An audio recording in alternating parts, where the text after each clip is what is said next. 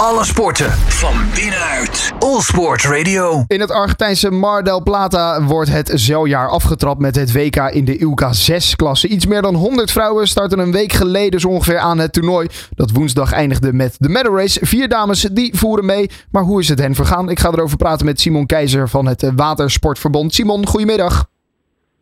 Hallo Daan, goedemiddag. Ja, een mooie aftrap van het uh, seizoen, toch? Nou, in elk geval een hele belangrijke en een spannende ook nog. Dus uh, zeker, ja. Ja, uh, de Ilka 6, wat, wat is dat voor een, voor een boot? Ja, dus jouw luisteraars zullen wel denken, hoe vaak heb je wel niet een WK zeilen? Maar ja. er zijn tien Olympische medailles te winnen, tien Olympische disciplines. En elke discipline heeft elk jaar zijn eigen WK. Dus dit was de Ilka 6, ja, vroeger heette dat gewoon de laser en het is nog steeds een laser, maar ze hebben die naam veranderd. International Laser Class Association, Ilka. En, uh, en de 6 staat voor het zeiloppervlak, 6 vierkante meter zeiloppervlak waar die uh, vrouwen mee varen. Dus Ilka 6. Juist. Ja, en we hadden vier Nederlandse vrouwen in uh, Mar del Plata in Argentinië. En natuurlijk onze zeilkoningin Maris Bouwmeester was daar, maar ook Maxime Jonker, die ook al vele malen op een internationaal podium heeft gestaan. Mitte Akkerman en Roos Wind met z'n vieren. Ja, uh, en dat allemaal dus uh, uh, nou ja, in Argentinië. Er werd gevaren op de zuidelijke Atlantische Oceaan. Wat, wat is dat voor een gebied om te moeten zeilen? nou, ik heb er zelf nooit in een boot gezeten, maar wel in de buurt. Ja, het is, het is oceaan, dus je kan daar, als de wind vanuit Afrika komt, heb je hele lange mooie rollers, mooie grote golven. en normaal gesproken, het is daar zomer, hè, het is hier nu winter, zuidelijk half wordt het zomer. Normaal gesproken is het daar gewoon prima weer, maar het is eigenlijk altijd zoals wij een toernooi doen. Het is altijd anders dan wat normaal gesproken is. Er was heel veel onweer en uh, slecht weer uh, wat betreft wind natuurlijk. Want onweer, dat weten wij allemaal in Nederland ook, dat brengt allerlei rare windstoten en windhozen en winddraaiingen met zich mee. Dus ja. dat maakte het uh, voor de vele deelnemers niet gemakkelijker. Nee, nee, nee. Dus dat, dat was, het was hard werken, zouden we kunnen zeggen, voor, voor de Zelsters.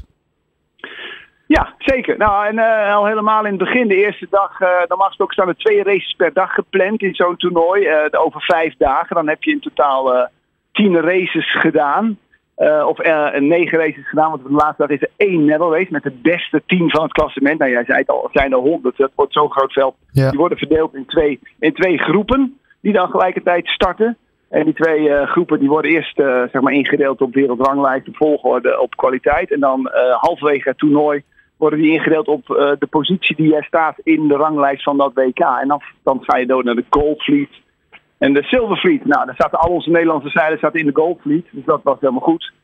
Uh, en ondertussen was het algemeen spannend, want we, we, we zeilden daar niet alleen voor de wereldtitel, maar ook voor de Olympische kwalificatie. Ja, inderdaad, dat is natuurlijk belangrijk. Alles komt langzaam maar zeker uh, in het teken te staan als dat al niet het geval was. Hè. Sommige kwalificaties die zijn natuurlijk al uh, geweest. Uh, maar dit ja. was ook weer een punt voor de Zelsters om zich te kwalificeren voor Parijs nou ja, 2024, de Olympische Spelen. En uiteindelijk is het maar de bouwmeester geworden die op het allerlaatste moment wist te winnen van Maxime Jonker, haar, haar nou ja, trainingspartner. Um, dat was een spannende strijd. Ja, nou heel spannend zelfs. Want uh, wat ik al zei, met race 9 te gaan, uh, had Jonker het allemaal in eigen hand. En uh, Marit Bouwmeester ja, had eigenlijk het nakijken. Die haalde de medal race niet. Dus is uiteindelijk als elfde geëindigd. Alleen de beste tien, zoals ik eerder zei, gaan door die medal race. En daar plaatste Jonker zich wel voor. Jonker had aan een, aan een vier of een derde plaats een podiumpositie genoeg om zich te plaatsen. Maar in die laatste race voor de medal race uh, ja, scoorde ze een slecht resultaat. Waardoor ze ja, die plek 4 ja, buiten haar bereik kwam. En uh, met een dag te gaan uh, was Bouwmeester zeker van, um, van haar Olympische ticket. Eigenlijk, ze zei letterlijk, ik kreeg het in mijn schoot geworpen. Ja. ja.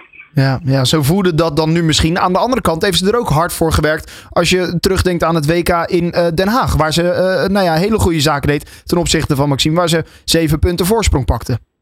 Ja, helemaal eens. Maar uh, ja, daar had Maxime een slecht toernooi. Dat zei ze ook uh, tegen ons. Van ja, weet je, eigenlijk ben ik heel blij dat ik me hier hersteld heb.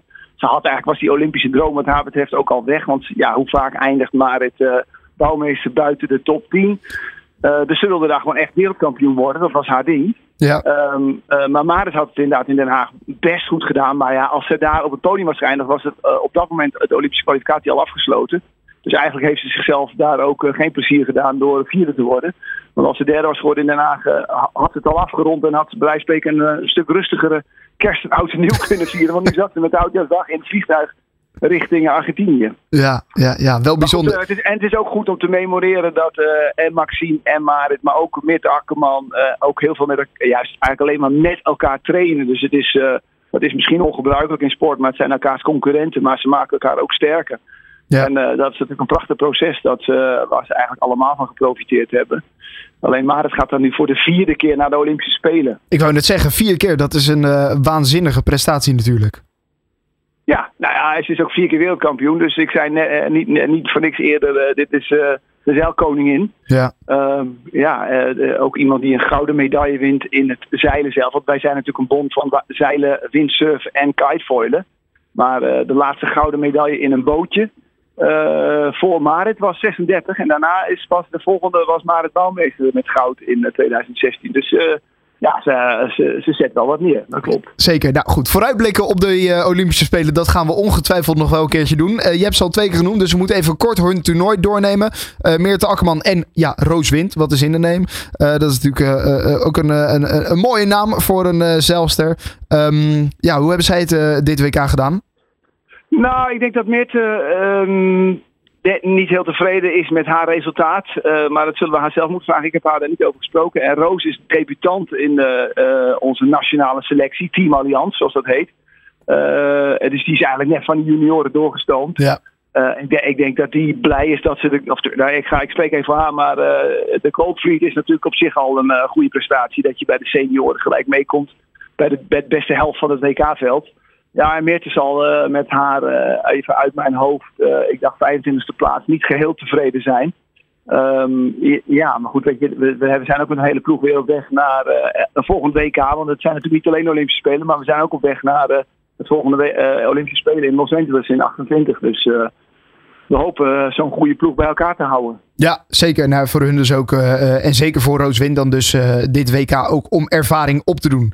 Um, goed, in ieder geval zeker is dat uh, maar de bouwmeester zich heeft geplaatst voor de Olympische Spelen.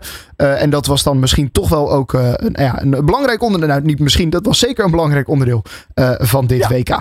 Simon Keizer, dankjewel. En nou ja, we gaan langzaam maar zeker ook vast wel weer een keer vooruitblikken op de Olympische Spelen. Voor nu, dankjewel, Simon ja. Keizer. Alle sporten van binnenuit. All Sport Radio.